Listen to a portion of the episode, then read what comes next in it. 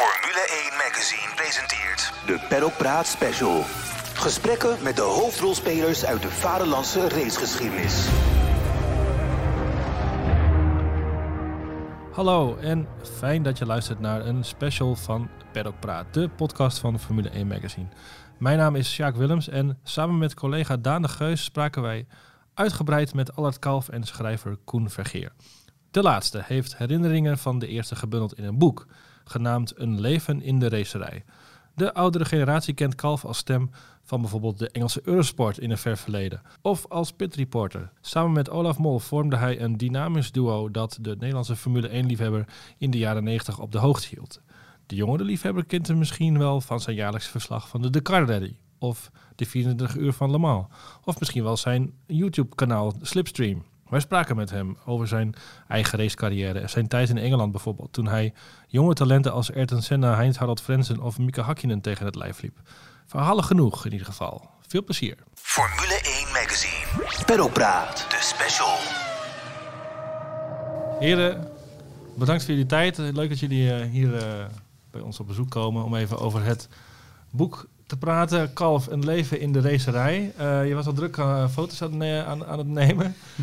je bent er echt even in, de- in de PR-mode deze, deze weken. Ja, we zitten enorm in de PR-modus en ik moet wel, eh, dan, dan, dan, dan word ik ook wel een beetje stil. Dan sla ik jullie blad, eh, en ik hoef niet eens open te slaan. Dan kijk ik op de voorpagina en dan staat er memoires. En dan denk ik, oeh, het zijn gewoon leuke verhalen. Het zijn gewoon leuke verhalen. Oké. Maar ja, maar ja, eh, op Radio 1 noemden ze het een biografie. Ja. Eh, De memoires. eh, Noem het wat je het noemen wil als je het maar leuk vindt. Dat, Hoe noem je eh, het zelf? Leuke verhalen dus vooral?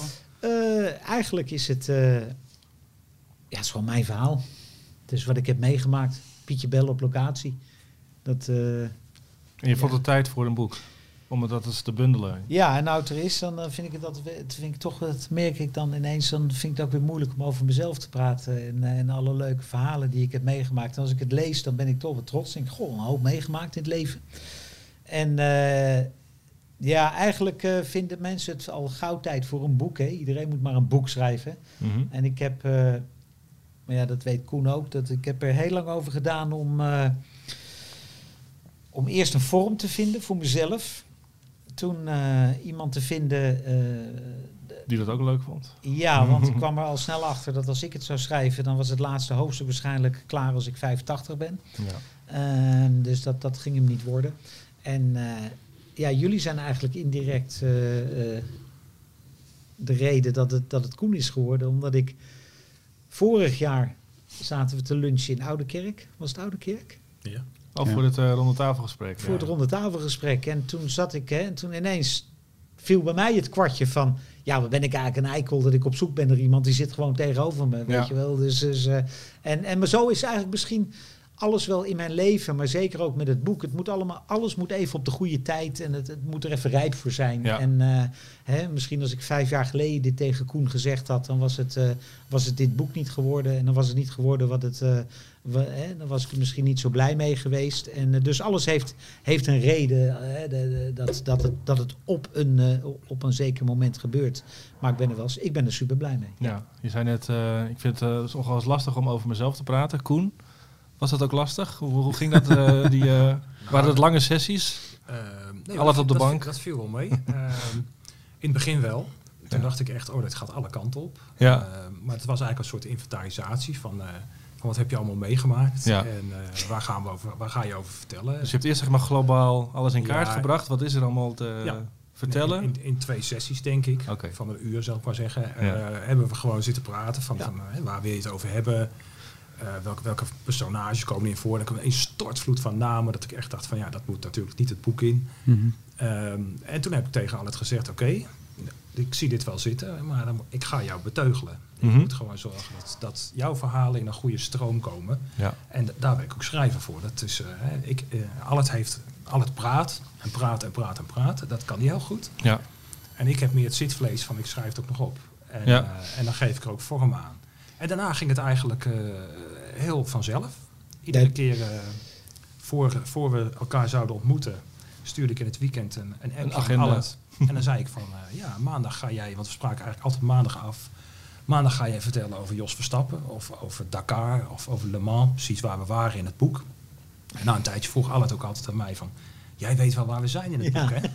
Maar hij wist het zelf niet meer. Dat geeft niet, want ik, ik regisseerde de boel. En, Ja. en, en als ik dat had gezegd, dan kwam die maandag ook met een afgerond verhaal daarover. Oké, dus dan had En, je het even wat tijd gegeven. En, eh, ja, ja. ja, precies. En niet te lang, eh, niet te ja. lang en niet te kort. Dat, Nee. Het werkte heel goed. ja. Ja, en ik, ik, eh, ik denk wat, wat voor mij belangrijk was, eh, en dat is zelfs nog voordat, ik, wil, ik wilde gewoon zeker weten dat we allebei wisten wat we niet wilden maken. Oké, En, en, eh, ik wat was dat dan niet? Nou, ik heb ooit, eh, voordat we begonnen, had ik, heb ik eh, Koen het, een van de leukste autosportboeken die je ken laten lezen. Dat is het boek Het gaat niet om geld van Tonio Hildebrand. En ik zei, kijk, zoiets, zoiets zou ik wel willen maken, want ik wil niet iets maken van... hè, en toen ging ik daar racen en had ik een daar fantastische race. snel in, ja. Maar stond ik in het grind en toen werd ik kampioen. En toen, ja, weet je, ja, dat, dat, dat... A, kun je je afvragen wie zit daarop te wachten. En B, wilde ik zo'n boek gewoon niet maken. Ik wilde iets maken wat anders was dan... Of anders, wat gewoon echt mijn, mijn, mijn verhaal was. Ja, en, echt jouw levensverhaal. ook. ja, en, en, en daarom vond ik... Het gaat niet om geld ook zo, zo eh, typerend. Want ja, het, is niet meer te kopen, ja, behalve bij een antiquariaat, denk ik. Maar ehm, dat, dat ging ook wel over autosport, maar ook weer niet. Dat Nee, ging dat ook over ook- die tijd en over reizen en over andere mensen. En, en ja, dat, dat was voor mij wel iets eh, waarvan ik dacht, van, ja, zoiets... Dat, dat vind ik leuker dan een boekje van, eh, waar ook alle uitslagen van alle wedstrijden, die Ja. ik eh, overigens niet eens weet hoor, al mijn uitslagen van alle wedstrijden, maar dat er allemaal in De goede wist je wel nog in ieder geval. Ja, hoewel ik ook toch ook weer vorig jaar, ik heb afgelopen jaar heb ik een, een, een archief van EFDA, dus de, de- die organiseerde de Open Lotus wedstrijden eh, destijds, heb ik gedigitaliseerd. Een aantal eh, jaaroverzichten. En toen gingen we er een uitzenden bij RTL. En ik, zit het, ik, krijg het, ik krijg dat doorgestuurd om even te kijken of ik... eh hè, kan ik er even naar kijken. En toen zag ik ineens dat ik eh, in Estoril op de eerste rij stond en gewoon aan de leiding rij. Hè, en eh, dan zie je zo'n caption in beeld, hè, kalf, Frense, hakkinen. Hm. Ik denk, ja, dat is toch wel aardig. Maar ja. ik moet je ook heel eerlijk zeggen, ik was het compleet vergeten. Ja, Het staat ook niet in Ik- het boek. Ik wist het echt niet meer. nee. Dus voor mij, want voor mij, hè, dat, dat, dat was, waren we in Portugal en werden we allemaal helemaal om ons oren gereden door Hans Harald Frensen. Hebben we die het, e- het hele weekend alleen maar in het paddock en op het podium gezien. Want op de baan was hij niet bij te houden. Maar dat is toch anders gegaan. Ja. Is, is dat sowieso een beetje ook zo'n zo'n soort traject waarin je dan eigenlijk voor het eerst echt terugkijkt op je carrière? Of had je dat al eens eerder gedaan toen je, toen je natuurlijk als commentator aan de slag was en wat meer je aandacht al verschoof naar het, het leven buiten de, de cockpit, zal ik maar nee, zeggen? nou, ik heb wel, want ik ben, ik ben, kijk, het idee om het eens op te schrijven is al best wel wat oud. Dus ik ben wel eens, ik heb wel eens periodes gehad dat ik erover nadacht. En dat ik ook eens wat opschreef. Maar ja, zoals ik zei, dat schrijven gaat niet zo hard bij mij. En, en dus het kwam af en toe wel voorbij. Maar nu was het echt, dankzij Koen ook, hadden we een, een raamwerk waarbinnen, we, waarbinnen ik mocht vertellen. Mhm. En, eh, en, en ik, weet, ik heb ook niet de pretentie dat alles wat ik meegemaakt heb erin staat. Hè? Want dan, komt dan denk ik dat we nog wel een boek kunnen maken. Maar eh, ja, we hebben gewoon een aantal leuke, typerende verhalen. Die Ja. de, en het begint wel ongeveer van een jongetje van 12 die leert autorijden. Tot en met nu. Ja. Nou ja, over, over dat jongetje, daar in het begin, dat vond ik een mooi, eh, een mooi stuk, vond ik wel, hè, jouw band met je vader. Je schrijft, de- Ja, ja, jouw familie was een advocatenfamilie en eigenlijk was jouw Ah, vader... jurist, hè? Of uh, juristen, sorry. sorry, familiekaal. Ehm en je vader was eigenlijk eh, de, de eerste die een beetje de, de, nou ja, de traditie brak. En dat zag je volgens mij dan ook in jou terug misschien? Zeg ik dat goed zo? Nou ja, maar kijk, dat is natuurlijk wel mijn... mijn die oude was een techneut. Ja. Hè, en die, was, die kon heel fanatiek zijn op het gebied van, van eh, technische dingen. Ehm, en dat heeft mij wel gevormd. Hè. Ik bedoel, als hij eh, accountant was geweest en verder eh, cijfertjes had opgeteld en afgetrokken en, en verder niks met auto's had gehad, dan weet ik ook niet of ik Of überhaupt in de racerij nee. was beland. Maar hij had een passie voor techniek. En, en ik ben heel anders dan mijn vader Mhm. op, op veel gebieden. Ik ben meer van het doen. Hij was meer van het eerst maar een boekje lezen en dan doen. En ik, was, ik ging dingen proefondervindelijk eh, meemaken. Maar ehm, hoe ouder ik word, hoe ouder ik word, hoe meer ik wel het idee heb dat ik ook wel op hem lijk. En toch ook Ja. wel heel veel van hem. En heel veel van hem gelukkig heb meegekregen. Ja. Waar ik enorm, enorm dankbaar voor ben. Maar moet ook heel eerlijk zeggen, ik denk dat, dat als je 1, 2, 23 bent. En hij komt met goede adviezen, dat je ook af en toe denkt van waar bemoei je in godsnaam mee? Ja. En dan moet je iets ouder zijn om te realiseren wat hij ermee bedoelde. Maar, Ja. maar en misschien is dat ook wel de reden dat, het, dat, ik, dat ik ergens tegen de muur aangelopen ben. Mhm. Maar nee, maar, maar die, die oude is wel heel belangrijk geweest. Ja. Het is in die zin ook een, sorry, een heel Ja. universeel verhaal over een vader en een zoon. Hè? Want het is wel een soort rode draad want ook die door het, boek leuke loopt. is, ja, het stomme is dat, en dat, eh, en dat die credits gaan helemaal richting, eh, richting de overkant van de tafel. Is Daar dat zit Kees Koen van, de dus. Gint, Kees van de Gint, die had het gelezen. En die zegt, het mooiste vind ik eigenlijk eh, de relatie tussen jou en je vader. Ja. Hè? En, en ook, hij zegt letterlijk, hij zegt ja, en dan ook hoe dat eindigt. Met, eh, hè, met, met in je tentje en dat hij overlijdt. En terwijl jij in, aan de andere kant van de wereld bent. En, zo dat, en dan ben ik eigenlijk ook weer blij. Ja, niet dat mijn vader is overleden, maar dat het boek dus.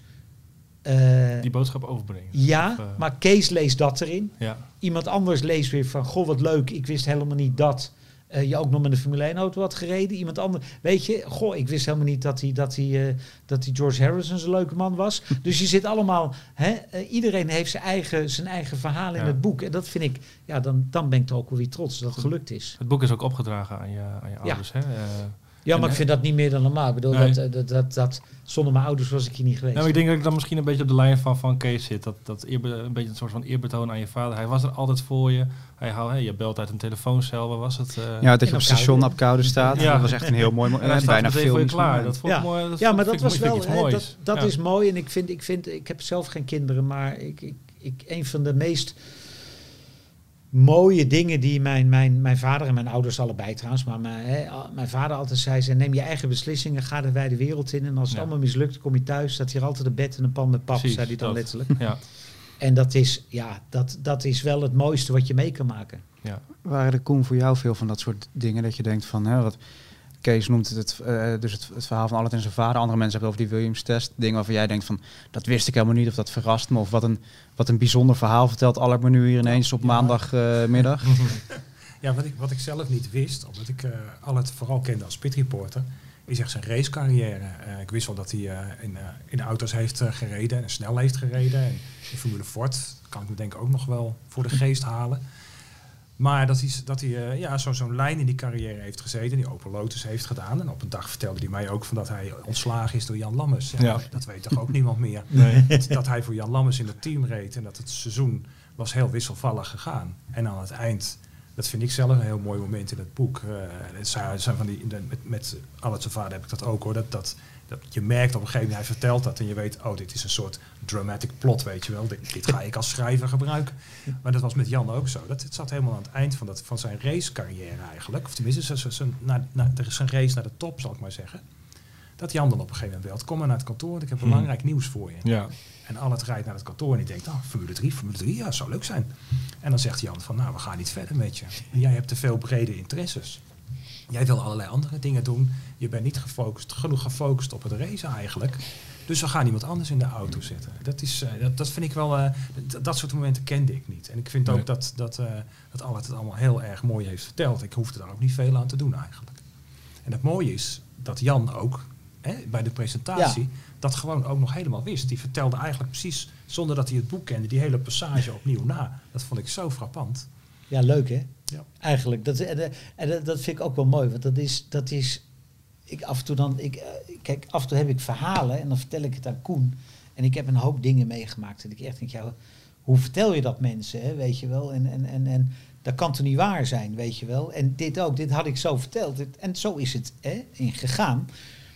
En dan, ja, Koen is er inmiddels aan gewend. Maar dan komt Jan precies met datzelfde verhaal. Zonder dat we dat gewoon ook afspreken. Of zonder dat hij het boek gelezen heeft. En dat is weer zo'n dingetje van ja, zo is het dus ook gegaan. Weet Ja. je wel. En dat vind ik, ja, jongen, alles wat erin staat is ook zo gegaan. Ja, het mooie is ook, ook die, dat race in de jaren tachtig. Gewoon eh, de firma List en Bedrog die daar eh, ook in die lagere klasse actief Ja. is. Het is een mooi verhaal dat, dat, eh dat Allard op een gegeven moment wordt, ge- of zijn team wordt gebeld van we hebben een goede motor, die houden we wel achter voor jullie. En dan komt hij in Zolder, geloof ik, iemand Ja. tegen en die zegt, ja, ik rij met Oh, jou, ja. jouw reservemotor, want met mijn motor is nog iets. Ja. En dan denkt Allard van, ja, jouw motor ligt in mijn auto, jongen. En, ja, en dat, dat zijn natuurlijk echt van die fijne... Ja, dat is het fijnste, het, het, het, het goudstof wat je moet hebben Ja. in zo'n verhaal. Het is echt prachtig. En eh, al die dingen in, in Zolder, dat je dan zo dicht mogelijk bij de toiletten moest staan met je camper. Want dan had je tenminste elektriciteit. En dan kwam iedereen bij jou elektriciteit halen, net zolang tot het allemaal uitviel. Ja, dat, dat zijn... Romantiek de top. Dus Ja, natuurlijk eh, ook een koffie naar jouw hand. eh, Ja, dat precies. Maar het is die jaren tachtig waar hij in gereden heeft, Ja. hebben dat ook nog helemaal. En dat is, dat is ook zo, zo, eh, zo mooi eraan. Ook, ook zijn avontuur naar Engeland, wat hij ook vertelde over Brands Hatch.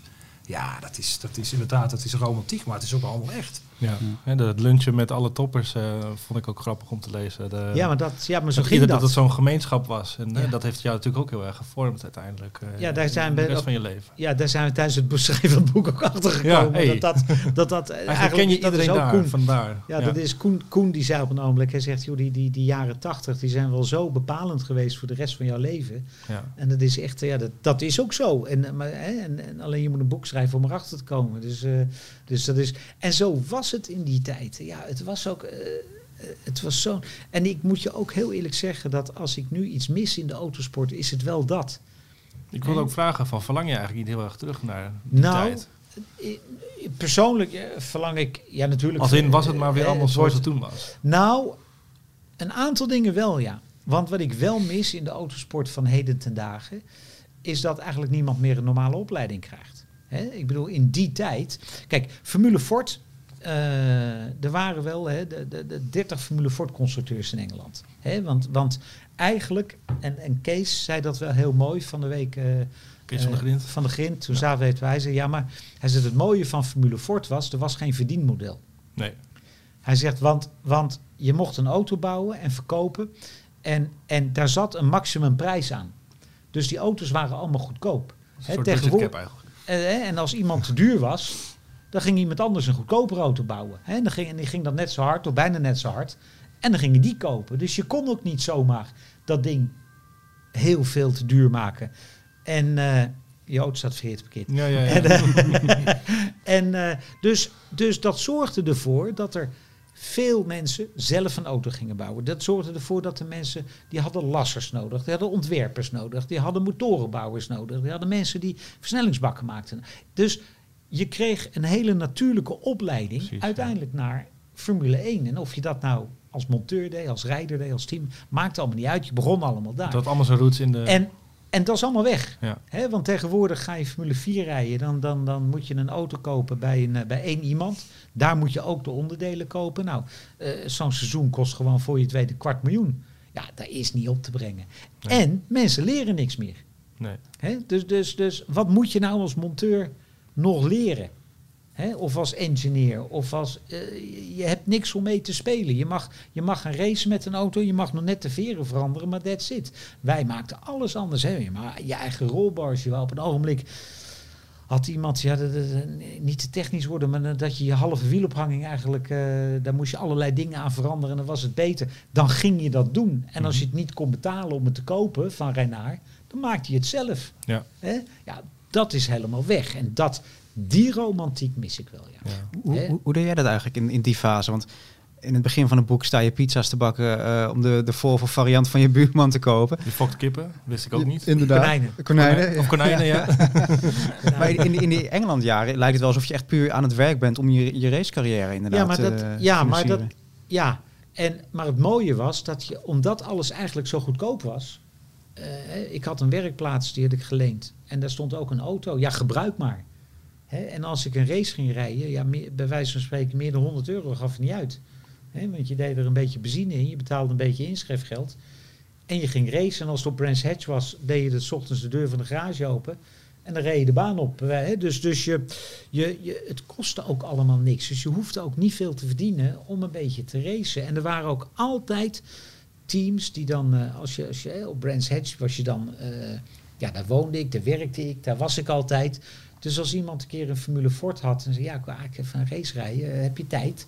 Weet je wel, ja, dan, dan, dan ging, dat was allemaal veel makkelijker. Ja, ik wil zeggen, je bent vaak mensen tegengekomen die zeiden, je mag wel even in de auto. Ja, maar dat was in die Hier tijd ook. Dat Ja. was niet alleen ik. Ik bedoel, Johnny Herbert, die, was ook, die kwam ook maar gewoon eh, via, via Paul Newman eh, in een raceauto terecht. En ja, kom maar racen. En, en, en, Ja. Eh, weet je, en zo waren er zoveel in die tijd. Hè? En als je een heel klein sponsortje had, en dan heb ik het echt over, over 1000 of 1500 euro, kon je bijna een jaar rijden. Hè?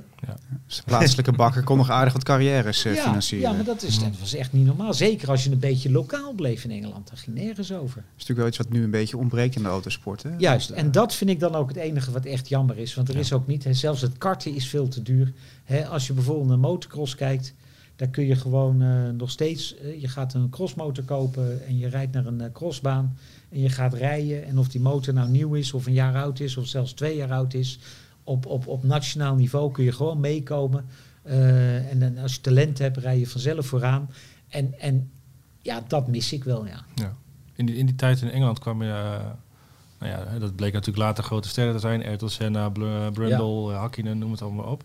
Merkte je al iets aan dat soort jongens van dat het toch wel apart, eh, dat het toch een aparte klasse was? Of was het toen nog, zat het toen nog wel redelijk dicht bij elkaar? Of- Nee, wat je, en dat heb ik nog wel hoor, dat, dat, ik, dat ik als ik eh, iemand zie die hard rijdt, en ook mensen die harder rijden dan ik, eh, dat je in eerste instantie denkt van, oeh, wat knap. Maar Ja. wat doet hij dat ik niet kan? Dan ga je meteen En- kijken waarom. en- ja, Ja. en, en eh, het, het stomme was, Martin uh, Brundle en, en Ayrton en ook Kelvin Fish, die reden dat jaar Formule 3. En, eh, en dan stond je af en toe te kijken en dan had je helemaal niet het idee dat zij iets heel speciaals deden. nee. Je dacht alleen als ik voor Eddie Jordan zou rijden, zou ik er ook rijden. Hè? Dat, dat, die, die overtuiging had je gewoon van jezelf. Ja. En, eh, en, en dus dat dat achteraf begrijp je wel dat, hè, maar dat heb ik zelfs met Gijs van Lennep nog. Hè, dat, dat nu begrijp ik nog, als je, Gijs, als je nu naast Gijs gaat zitten, dan begrijp ik nog waarom hij Le Mans gewonnen heeft. Hè. Dat is gewoon zo fantastisch. En, en, en, eh, maar in die tijd was je gewoon, eh, Was je een van de... ja, was het gewoon van, eh, ja, hij gaat wel iets harder, maar dan moet ik hem wat laten remmen. Dat was Ja. helemaal niet, helemaal niet, je kwam niet in je op dat ze iets deden wat jij niet zou kunnen, Ja. toch? Bijvoorbeeld Senna, je kent natuurlijk die beelden uit die documentaire van Ja, maar of dat is allemaal van later, hè? Ja, nee, oh, er zit er natuurlijk ook een, een stuk in dat hij eh, in, die, in die Formule Ford rijdt. En dan zie je een beetje zo'n zo'n schriel jongetje, wat Verlegen een beetje jongetje. verlegen jongetje. Die dan ineens eenmaal in de auto toch verandert in een soort, eh, nou ja, Ja, en misschien, beest, misschien, bijna. hij was verlegen, maar hij sprak ook in het begin heel slecht Engels. Oké, Dus dat, dat helpt dan ook al niet. Je komt uit Brazilië, waar iedere dag de zon schijnt. Dat kun je van Engeland nou natuurlijk niet echt zeggen. Dus nee. Hè? Alles was. En dat is wel eh, misschien, misschien nog wel de grootste, eh, het grootste verschil van toen en nu. Als je, uiteindelijk was denk ik Emerson, Fittipaldi, de eerste Braziliaan die echt naar Ja. Europa kwam. En daarna zijn er velen gekomen. En, en voor mij is misschien Rubens de laatste die het zo gedaan heeft. Alles wat daartussen zit, tussen Emerson en Rubens, die hadden maar één doel. Die wilden naar Europa om te racen. Mhm. Sterker nog, die wilden eigenlijk naar Engeland om te racen. En om vanuit Brazilië, zeker als je geen geld had, hè, iemand als Roberto Moreno, hè, die kwam uit Brazilië, die wilde racen. Ja, dan was, zat er maar één ding op. Dat was harder rijden dan de rest. Ja, dat is een soort anders, was je weer terug in Brazilië. Ja. Hè, dat, is, dat is net als met de voetballertjes die je uit de favela's haalt. Ja, die willen wel, die willen wel rennen, want anders moeten ze terug. Hè. Dus, en, en, en dat gaf ook een soort... Ja, je was daar allemaal omdat je er wilde zijn. En voor mij was het makkelijk, want ik stapte in Zeebrugge op de boot. Ik was vier Hm. uur later in Engeland. Ja. Maar ja, vanuit Brazilië of Argentinië was dat natuurlijk toch wel anders. Ja, ja. Toen eh eh, Kalf over deze, of toen Allard moet ik zeggen, over deze periode eh, vertelde, dan, dan klapperen jouw oren denk ik ook wel even van al die, die namen die er dan in, die, in die tijd is tegengekomen. Ja, ja, ja, ja, ja nee, dat, dat, dat, dat, dat is, is er ook heel charmant aan dat ze dan in een truckerscafé zitten om Ja. maar zo goedkoop mogelijk, zoveel mogelijk te eten met z'n allen. Dat, dat is, dat is eh, eh, het charmante eraan. En, eh, en dat, dat Senna op een gegeven moment op een middag eh, de nieuwe Formule 3 auto van Spartan eh Ja, testen, stiekem, weet je. Dat, dat, dat zijn dan de, de krenten. was in niet zo'n goede auto. Nee, dat zei hij dan aan het eind ook. Van nee, het is niet zo'n goede auto, geloof ik. en, ja, ja, weet je, dat, dat, dat, dat, ja, dat maakt het heel mooi. En, eh, Ja. Maar ik zag ook onmiddellijk van al die mensen komen ook allemaal terug later in de, in de carrière van, eh van Allard als, eh, als pitreporter, als journalist. Nou ja, als racer ook weer. Dus, Ja. Voor jou als Formule 1 historicus en romanticus is het natuurlijk ook heerlijk om zulke bijfiguren in je, in je verhaal te hebben, denk ik, toch? Eh, De, de Frensens, de Hakkinens. eh, Ja, ja dat, dat, is, dat is heel erg leuk. Ja, dat, dat klopt. Ja. Dat, eh, je, dus je ziet het ook voor je. Ja, het viel net al van. Hè. Het is bijna filmisch. We moeten het boek gaan filmen, denk ik al. Dat is, eh, dat is de hit. Eh, nee, maar dat, dat, dat, dat klopt. Dat maakt het ook leuk. Eh, als hij vertelt over ja, Heinz Harald, ja, daar reed ik al het hele jaar tegen. En in, in Portugal kwamen ze dan. En toen zagen in één keer die Engelsen, die zagen Heinz Harald er vandoor gaan. Die zagen ze alleen in, in- op het podium terug. En, en eh, ja, dat was fantastisch voor Heinz Harald, zegt Allard dan. Maar niet voor mij, want ik reed al het hele jaar tegen hem. Weet je. En, dat, en dat, maar ook weer, wat u over, over eh, Frenzen vertelt, dat ze dan bij Henny Volleberg in de garage aan autootjes staan te sleutelen. En dat daar de vriendin Corina bij is van Heinz Harald. Die dan later weer de vrouw van Michael Schumacher wordt. Dus, dus het, het, het is ook echt wel zo'n ja, ja, een, eh, een privé-inkijkje af en toe. Mhm. Dat is wel heel erg mooi. Ja. Daardoor leeft het ook veel meer. Je, je, je, je, je zit bijna ook in de jaren tachtig door de dingen die hij verteld heeft. En die ik ook heb overgehouden natuurlijk uit alles wat hij verteld heeft. Je hebt natuurlijk je hebt zo'n, eh, jullie kennen de film Forrest Gump misschien wel. Er zitten dan een paar passages in van historische gebeurtenissen waar Forrest Gump dan bij is. Dat, dat je denkt eigenlijk van jou ook een beetje. Alles was overal bij. Het is voor het eerst van mijn leven dat ik Forrest Gump ga. Voor de rest houdt alle gelijkenis hierop. Ja, ik weet niet of je zo snel kan rennen als Forrest Gump. Maar Run, Forrest, run. Ja. Toch was het? Doe mij dan denken aan de plaatjes van Halve Zeilstra die overal bij was. Maar dat is wel een heel, ander- heel ander dat is verhaal. weer een ander verhaal. Eh, o- Over, over erbij eh, zijn en horen gesproken. Op een gegeven moment haal je natuurlijk toch de Formule 1 als commentator. En wat ook heel erg naar voren komt in dat boek is dat iedereen eigenlijk tegen jou zegt van... Je hebt het toch nog gehaald, hè? Ja, Dat, leuk eh, hè? Ja, ja. ja vooral, vooral, vooral, vooral mensen zoals JJ, die vonden dat mooi. Leto. Die was, dat, dat, dat, dat soort- ja, Ja. Dat, en het, het stomme is, want dat is eigenlijk als ik dat ik een hoop dingen hangen ook weer van, van toeval aan elkaar, weet je wel. Dat je echt, van hoe kom ik nou in hemelsnaam bij Eurosport ik wou zeggen, bij de Engelse Eurosport. Ja. bij de Engelse eh, Eurosport. en Gewoon omdat ik toevallig even iemand bel. Hè? Ik bedoel, de- de- de- de- hoe toevallig wil je het hebben? Maar, dan ma- maar, maar ook daar komt de link met Engeland weer, weer naar voren. Maar goed, dat, dat, eh, eh, ja, dat, is gewoon, dat was gewoon ook leuk. Ja, je, je, je, Oké, je hebt het dan niet als rijder gehaald, maar je bent er wel. betekent wel de, de broederschap ook in de Ja, wereld maar dat was, er, dat was er ook wel. En, en het, het stom was, ik zat de afgelopen week eh, met Guido van der Garde te praten voor RTLGP Magazine, eh, voor het tv-programma. En, en die zat me een beetje aan te kijken van ja, ik zei ja, maar jij hebt dat ook Guido. Ik zei, want als jij nu Davide Foré tegenkomt, waar je tegen gekart hebt, hè, de- dat is een grootheid in karten die nooit is gaan autoracen, dan heb je nog steeds een band. Ja, Ik zeg, en jij hebt Formule 1, maar hij is niet minder. Hij is alleen van een andere tijd. En, en zo was het ook een beetje. Je hebt gewoon een band en die band gaat niet weg. Misschien is, is, is met z'n allen naar de eerste bocht en kijken wie het laatste gaat remmen. Dat schept sowieso een band natuurlijk. Vooral als je af en toe met z'n allen in het begin staat te spartelen. Dan, eh, Ja, je bent gewoon part of the racing family. Ja. En, da- en dat, dat eh, was heel goed voelbaar toen jij als Eurosport reporter eh, die paddock inkwam. En je rolde misschien toen ook wat makkelijker van de ene in de andere rol, omdat het allemaal wat minder, ja, minder professioneel klinkt. Misschien niet heel aardig, maar dat het allemaal nog wat opener was, hè? het was zeker opener en het was, eh, het was waarschijnlijk ook wel minder professioneel dan nu. Defined professioneel, maar. Eh, het was wel, hè, ik roep altijd, het was misschien wel minder professioneel, maar het was wel het meest professioneel wat er op dat moment was. Hè. Dus, dus, dus dat was, het was ook weer top of, top of the league. Formule 1 Magazine. Pedalpraat. De special. je hoort het goed. Een ingewerkt duo. Allard lepelt de anekdotes zo op en Koen notuleert en ordent alles. Ben je dan nieuwsgierig geworden naar het boek? Dan hebben we misschien wel een leuke aanbieding. Ga naar formule1.nl slash kalf met dubbel F. Daar hebben we twee aanbiedingen klaarstaan. Of je gaat voor 12 nummers en een special van Formule 1 Magazine. Voor 55 euro plus dat boek van Allard Kalf. Je kan ook kiezen voor 18 nummers en drie specials van Formule 1 Magazine. Dat alles voor 77 euro plus het boek van Allard Kalf Een leven in de racerij. Dat zijn kortingen van 38 en 42 procent op onze normale abonnementsprijzen. Speciaal voor jullie, onze podcastluisteraars. Dus formule1.nl slash kalf met dubbel F. Formule 1 Magazine. Peddelpraat. De special. Daan en ik zijn opgegroeid met jou als pitreporter. Jij was eigenlijk maar de stem eh, uit de pits. Jij vertelde eh, nou ja, alles over wat er daar gebeurde. Eh, heb, je ook van Olaf Mol een reactie gehad? Want daar heb je ook een hoofdstuk aan gewijd. Dat is Nee. toch een... Ja, je zei net, ik ben er nog niet zo heel veel naar gevraagd. eh, eh, de maar heb ik- weken, heb ik Olaf- Het is wel een thema die onder onze Ja. generatie wel leeft. Van, hoe zit het nou precies? En dat beschrijf je best... Dat beschrijf je juist heel genuanceerd, volgens mij. Heel... Ja. nee, maar ik heb Olaf even gesproken tijdens de Formule 1-test in Barcelona, toen we daar waren. ja. Daarvoor, de keer ervoor dat ik hem sprak, was toen we de Grand Prix van Nederland aankondigden. Oh ja.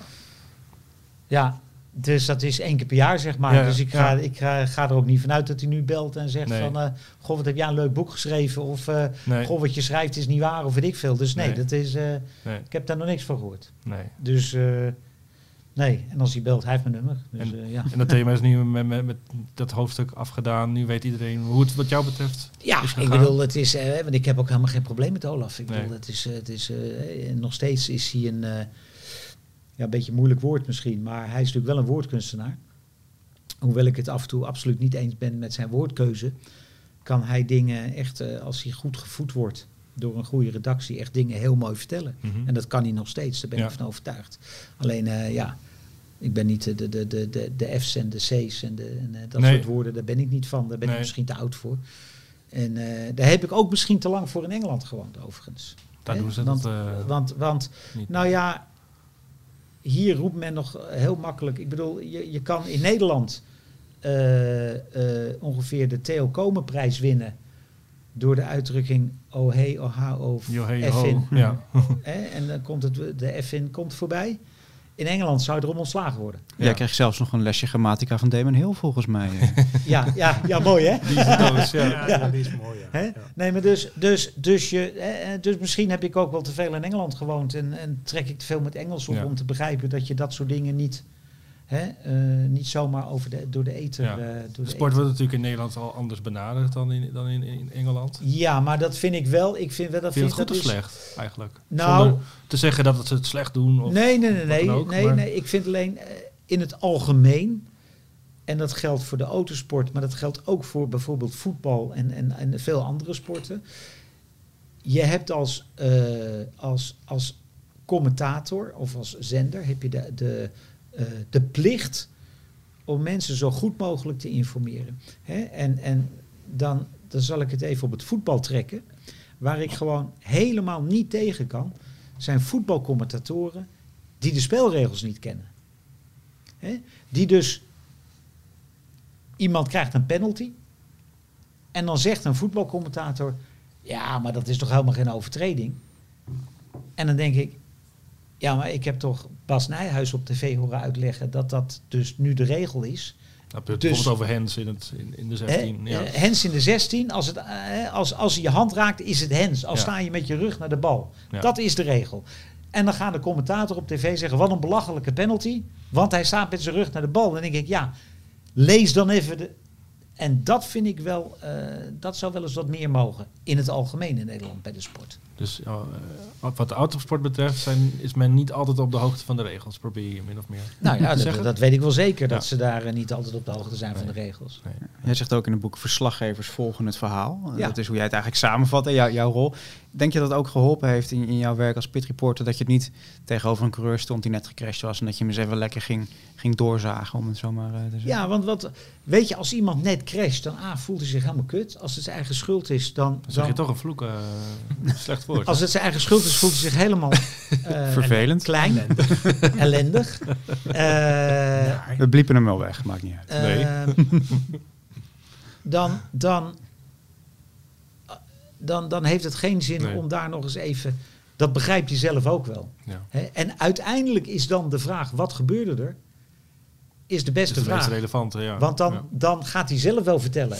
Hè? En als hij een enorm lulverhaal ophangt, dan kun je altijd nog zeggen: Nou ja, was het wel echt de schuld van die ander? Dan kun je nog voorzichtig een keer die kant op. Maar ja, dat, dat, eh, uiteindelijk wat je ermee bereikt is dat ze niet meer met je praten willen. Of dat ze boos op je worden. Of dat ze je vermijden. Of, eh, en wie heeft daar dan wat aan? Nee, inderdaad. Weet je, wie, wie heeft er wat aan als je, als je, als je iemand eh, enorm door het slijk haalt? Of, of, of, of ja, dat, dat, Dat is Formule 1 niet de, het, ja, de sport voor, zeg maar. Of, Nee, ik vind het überhaupt. Ik bedoel, er is. Er is kijk rustig naar het Nederlands elftal. Hè, als er interviews gedaan worden, dan moet het meteen allemaal kritisch. Hè, en, en, en in wezen, wat is Nederland? Hè, Nederland is eh, vanochtend, als je alle kranten openslaat. Nederland heeft gisteren gevoetbald tegen Spanje. Eh, als je dan vandaag de kranten ziet, dan is eigenlijk de teneur is... Frank de Boer weet, niet, weer- weet weer niet te winnen. nee. Hè? En het is nu de bondscoach die het langste niet gewonnen heeft. En dit, je kan ook zeggen, hij weer niet verloren. Hij heeft tegen een best een goede ploeg gespeeld. En Tegen Spanje 1-1 en hij heeft weer niet verloren. Dat Nee. kun je ook zeggen. ja, Hè? En, en, en dus, dus ja, het is natuurlijk net even... Het allebei is waar natuurlijk. Hè? En uiteindelijk doen die 20 coureurs ook gewoon iets heel knaps natuurlijk. En iets waar jij heel lang van gedroomd hebt. Ja, ja dat, eh, dat is ook wel even iets. ze doen wel iets waar ik heel lang van gedroomd heb. Ja. oké. Zou, je, zou je in de huidige Formule 1 paddock eh, kunnen werken? ja, ik zou er wel kunnen werken. De vraag is of Zou ik het leuk vinden? Ja, de, de vraag is niet of ik, eh, de vraag is of ik het inderdaad leuk vind Ja. of niet. Het is, het is nu wel allemaal heel erg ge- gereguleerd. Hè? Als je eh, ziet dat, dat, dat eh, pit reporters, die je volgens mij paddock reporters moet noemen, want de pit komen ze niet meer, de pits komen ze niet meer. Hè? Want ze staan allemaal achter te wachten. Nou, dan Ja, is, dat bedoel ik dus. Jij stond ja, wat, altijd in de ja, pitstraat. wat, wat, Ja. wat goed geregeld is, is dat al die rijders nu naar je toe komen. Ja, je staat gewoon ook een race, dus maar gewoon voor Jan Lul bij een, eh, bij, een, bij een vierkantje te wachten tot er een keer iemand langskomt. En als er iemand uitvalt, sta je gewoon anderhalf uur maar een beetje naar een schermpje te kijken en, en, en verder niks uit te zoeken. En dan is de vraag of ik dat leuk zou vinden, ja. Ja. Je ziet ook veel reporters nu niet, eh, zoals jij toen met Senardi met die crash op Spa. Wat is het, eh, drie uur later met hem op zijn hotelkamer Ja, maar dat, zitten ik voor, denk eh, dat dat ook niet meer. Ik denk dat dat. Of je zou een hele speciale relatie met een rijder moeten hebben, dan zou het misschien, dan zou het misschien nog gaan. Dat moet je misschien even uitleggen hoe dit ook alweer... eh, Nou ja, Alex die, die, die heeft een wereldklap op eh, Spa, op de Radion. Toen Radion nog echt voor echte kerels Mhm. was. En, eh, en die, eh, ja, die rijdt... u- Uiteindelijk was het een wereldklap, maar ook omdat hij een keer of eh, twintig spinde met een, alsof hij in een centrifuge zat. En vervolgens, ja, wij zijn live. En eh, dus, dus eh, 's smiddags moet ik wat interviews doen. En, eh, en ik zeg tegen Anita, ja, waar, is, waar, is, waar, is, eh, Alex? Ja, die is in zijn hotel. Ik zeg, ja, dus ik kom gewoon, ja, bel hem eens even of ik hem even nog een interview kan maken, weet je wel. Want ik, eh, heeft, heeft hij wat gebroken? Nee, niks gebroken. Ja, bel hem. Nou, als die belt, ja, belt naar het hotel. Nee, stuur hem maar langs, hij weet waar ik zit. Nou, prima. Dus ik daarheen en ik zit gewoon drie uur later op het bed met Alex te praten over dat ongeluk. En, en hij had een zonnebril op, want zijn ogen zagen er niet uit. Want Nee. door die, door die, door die eh, centrifugaalkracht had hij, waren al zijn, zijn, zijn, zijn adertjes in zijn ogen waren gesprongen. Die waren echt zo rood en het zag er echt niet uit. Dus hij had een, eh, had een, een zonnebril op gedaan. Maar dan zit je gewoon met die man drie uur later op bed in zijn hotelkamer. Gewoon te ouwe hoeren. Ik denk, ja, dat gaat, dat is ondenkbaar. Nee, ja. En het is echt gebeurd, want het, is, het staat op YouTube. Dat staat, het staat in ons blad. Ja, nee, maar ook het, het, het, het- weet je, het, het, het, het is niet iets waarvan je zegt, van, ja, ik heb het gedaan, maar je kan het niet. Dit kun je, het is echt, het staat gewoon op YouTube, weet je wel. Dat is, dat is wel uniek en dat gebeurt niet meer. Nee. Wie, wie, wie we denk ik ook niet onbenoemd kunnen laten noemen natuurlijk is Johnny Herbert, eh, met wie je echt een hele speciale band hebt. Hij heeft zelfs het voorwoord eh, geschreven. Ja.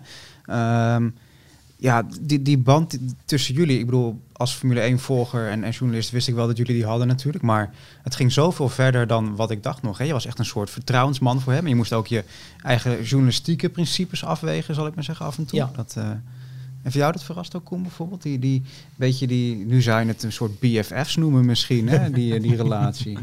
Nee, ja, nee, dat verraste me niet. Ik wist wel dat ze goed, eh, dat ze close waren. Ja, dat, eh, dat wist ik wel. En eh, ik, ik vind het ook allemaal heel natuurlijk gaan. Zoals hij het vertelt, denk ik van ja, zo, zo ontwikkelt zich een vriendschap ook binnen een professionele wereld. eh, Ja. handel je eigenlijk zo. Ik, eh, ik kan dat wel helemaal volgen.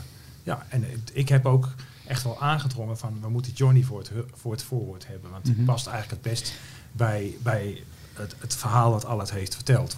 Want Allet heeft wel eens geroepen, zal ik Bernie Ecclestone vragen? en, dan, en dan knikte ik maar en dan dacht ik, nou, dat gaan we toch niet doen. Misschien eh, per woord nog wat moeten aftikken voor Bernie? Of? Nee hoor, nee, nee, nee, nee, absoluut Wat niet. zou hij gezegd hebben, denk je? Ik denk als ik het hem gevraagd had, En wat zou hij geschreven hebben? ik denk, nou dan had ik het hem via via gevraagd. En ik had hem denk ik niet rechtstreeks even benaderd, maar dat had ik via iemand anders gedaan. Het had, me, ja, het had me niet verbaasd als hij het gewoon gedaan had. Het had me ook niet verbaasd als hij had gezegd, het doet even niet. Hè? Dus, eh, dus, eh, en wat hij geschreven had, zou ze, het woord sunshine zou erin voorgekomen zijn. Sorry, het, Sunshine, want zo noemde die me altijd. Oké, Hello sunshine, hello. het vierkantje misschien? Nee, dat, nee, want daar had hij uiteindelijk niks mee te maken. Oh, oké. Maar, maar, maar eh, die Bernie, Bernie is natuurlijk wel de koning om iets, iets aardigs en iets, iets aardigs en iets vilijns in één Ja. stukje te zeggen. Dus, in één zin dus in bouwen, ja. één zin, ja. Ja. Dus, dus maar eh, hè, op een ogenblik sprak ik met mensen en die, die, kende Bernie, die kende Bernie echt heel goed. En toen, zei ik, toen had ik zo geroepen van, oh, misschien moet hij me voor... Oh, als hij het moet doen, dan moet je me roepen, dan bel ik hem wel, weet je wel. Dus ik zei dat tegen Koen. Nee, ze komen, we doen Johnny. Oké. Je had het net over, over Radion, dat het er geen bocht is meer voor, Nee. eh, voor mannen.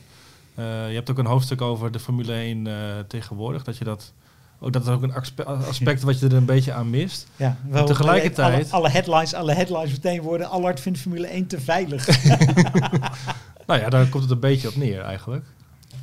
Of is dat... eh, ja, Maar wat ik wilde vragen ja, was, sorry. is dat ja, ja, Roland, Roland Ratzenberger was ook een, een, een goede vriend van jou. En die heb je natuurlijk ook verloren door een, een, een, een- een, ja, bijna lullig ongeluk. Maar, Ja. Is, is dat niet een beetje eh, dubbel daaraan? Dat je daar op, een- aan de ene kant het gevaar zou willen hebben, meer zou willen hebben, en aan de andere kant, ja. nou, het, Jullie, Johnny, we hebben ja. natuurlijk zelf ook... eh, ja, ook kijk, nee, het, is, gemaakt. het, is, het is natuurlijk eh, vreselijk als je vrienden verliest. Ja. Hè? En het is vreselijk als vrienden ernstige ongelukken hebben. Dus, dus het, het is heel makkelijk om te roepen, het, moet, het is te veilig. En er zijn twee redenen waarom, dat, eh, dat, waarom ik het vind en waarom het, ook, eh, waarom het wel genuanceerd moet worden. ja. A, eh, het allerbelangrijkste is, vind ik, als je een fout maakt als autocoureur, dan moet je daar een prijs voor betalen. En dan hoeft de prijs voor mij niet meteen te zijn dat je met blauwe zwaailichten naar een ziekenhuis wordt afgevoerd. Maar je moet wel tijd verliezen. Mhm. Dat is het minimale wat je moet Ja. doen. Daarom hou ik ook nu van het nieuwe Zandvoort. Als je eh, in de Tarzanbocht je verremt, ga je rechtuit, rij je via een paadje terug en ben je gewoon 20 seconden kwijt. Kun je wel je race vervolgen, maar die tijd ben je kwijt. Ja. Prima. Geen discussie nee. over track limits of wat ook. Tijd, hè? Hetzelfde bij de Mastersbocht. Als je eraf vliegt, prima. Kom je echt 200 meter verder, kun je de baan weer oprijden. En, eh, en, eh, en dan verlies je dus veel tijd. Dus, dus dat vind ik, eh, dat bedoel ik met het is te, te veilig. Want ze willen overal maar uitloopstroken van asfalt. En, hè, en dan krijg je daarna weer gezeur over track limits. Wat dan eigenlijk voor mij ook een non-discussie is. Want ik vind als het er ligt, ja, dan gebruik het dan maar. Hè, het ligt er toch. Dus, dus dat vind ik. Dus dat is één. Hè. Aan de andere kant, als je het zo veilig maakt als dat het nu is, eh, kweek je ook een generatie die geen respect meer heeft voor de snelheid en het gevaar. Mhm. Ik vind, als je het gevaarlijker maakt, is er onderling ook meer respect tussen rijders. Hè, als je naar de Indy 500 kijkt, daar kunnen ze gewoon met z'n tweeën naast elkaar door de bocht rijden. Met, met 350 km per uur. Hè? En ze hebben allebei genoeg ruimte. Ze laten elkaar eh En leven degene- laten leven. Ja. Juist. Maar degene aan de binnenkant weet ook dat als hij spint, neemt hij die aan de buitenkant mee. En dat weet degene aan de buitenkant En dat weet degene aan de buitenkant ook. En toch lukt het vaak. Gaat ook wel eens mis, maar dat moet je ook accepteren. En je breekt ook een keer een been. En dat moet je ook accepteren. En het feit dat je dingen zo veilig maakt als dat ze zijn, dat betekent in mijn optiek dat er minder respect is tussen rijders. Hè, er zijn ook, als je nu naar de huidige Formule 1 kijkt, zijn er een paar rijders die respect hebben. Hamilton heeft respect voor Verstappen. Hè, en vice versa. Dat levert mooie races op. Maar als je wat verder naar achter kijkt, en dan, hè, dan, dan, en dan, dat begint al bij, bij, eh, bij, eh, bij Jankerts als, eh, als, als, als Stroll en, en Perez en, en, en, en dat soort types. op het moment dat, dat ze uitgeremd worden en het een beetje naast elkaar, dan is het meteen op de radio en het was gevaarlijk en hij deed dit. En dan denk ik, ja jongens, het is verdomme racen. Mhm. Dat is gevaarlijk. Ja. Hè, heeft iemand die mensen wel eens uitgelegd dat als je met een auto 300 km per uur gaat rijden, dat dat per definitie gevaarlijk is? Duidelijk, deze nuance. Ja. Ehm, Maar ja, dat verkoopt natuurlijk niet. Hè. Dan kun je beter Nee. zeggen, van kalf moet het gevaarlijker. heel veel nuance in het boek. Dat eh, kan ook goed moet voor ja. mannen zijn. Ja. Ja, ja, ja. Heren, hartstikke bedankt voor eh, dit gesprek. Ik vond het heel, eh, heel leuk om even zo eh, over het boek te praten. Ja, graag gedaan. Graag gedaan, ja. Oké, Hebben we nog koffie? gaan we regelen.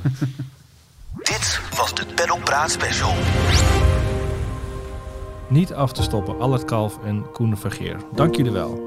Het boek Allard Kalf, Een leven in de racerij, ligt nu in de winkel. En hij is dus ook te verkrijgen in combinatie met een abonnement op ons prachtige magazine Formule 1. Ga daarvoor naar www.formule1.nl slash kalf met dubbel F. Dus formule1.nl slash kalf met dubbel F. En wij melden ons weer eh, binnenkort met een nieuwe special.